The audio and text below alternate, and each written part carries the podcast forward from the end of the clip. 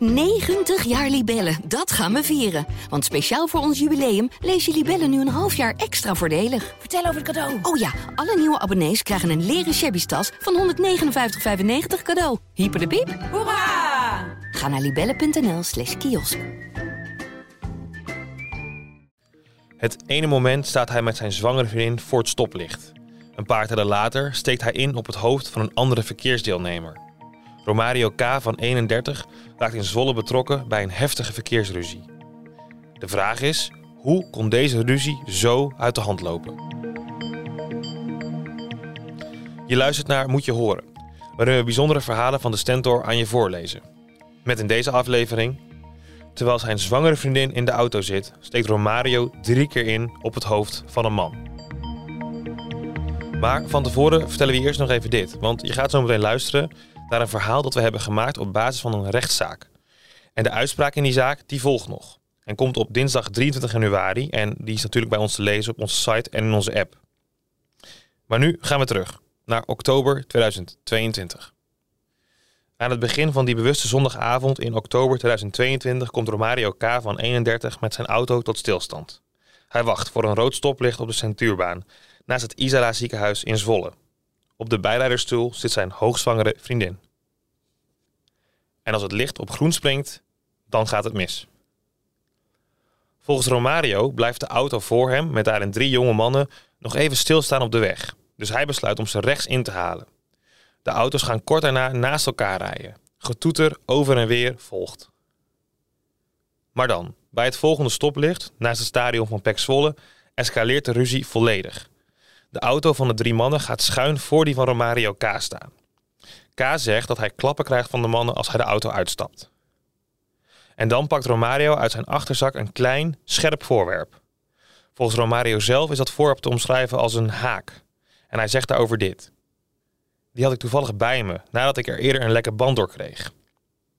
Hij steekt daarmee en hij raakt één man op het hoofd. Maar die drie jonge mannen, die houden er een heel ander verhaal op na.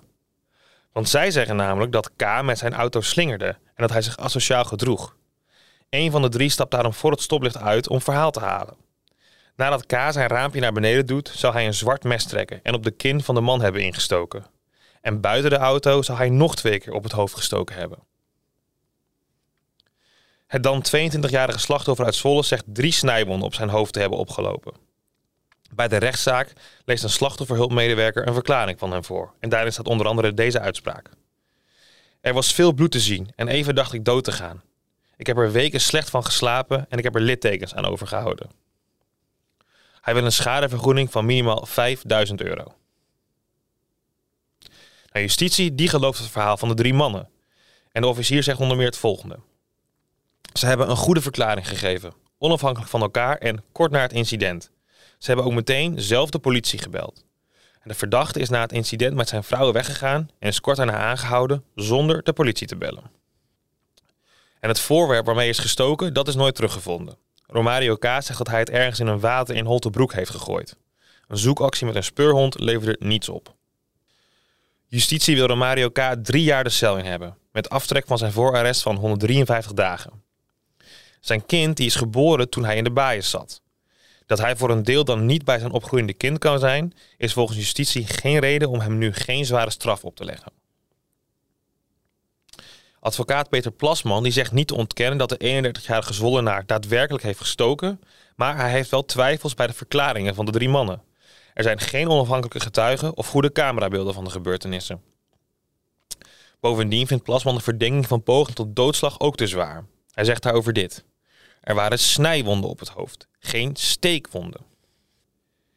In de rechtbank zegt K, die een paar jaar terug nog betrokken was bij een diefstal met geweld, dat hij het niet leuk vindt als hij hoort dat het slachtoffer veel last had van het steekincident. En K zegt nog: Het was echt niet mijn intentie om te steken. Ik kreeg last van een paniekaanval en dacht eerst dat de politie mij had klemgereden. 90 jaar Libellen, dat gaan we vieren. Want speciaal voor ons jubileum lees je Libellen nu een half jaar extra voordelig. Vertel over het cadeau. Oh ja, alle nieuwe abonnees krijgen een leren shabby tas van 159,95 cadeau. Hyper de piep. Hoera! Ga naar libellen.nl slash kiosk.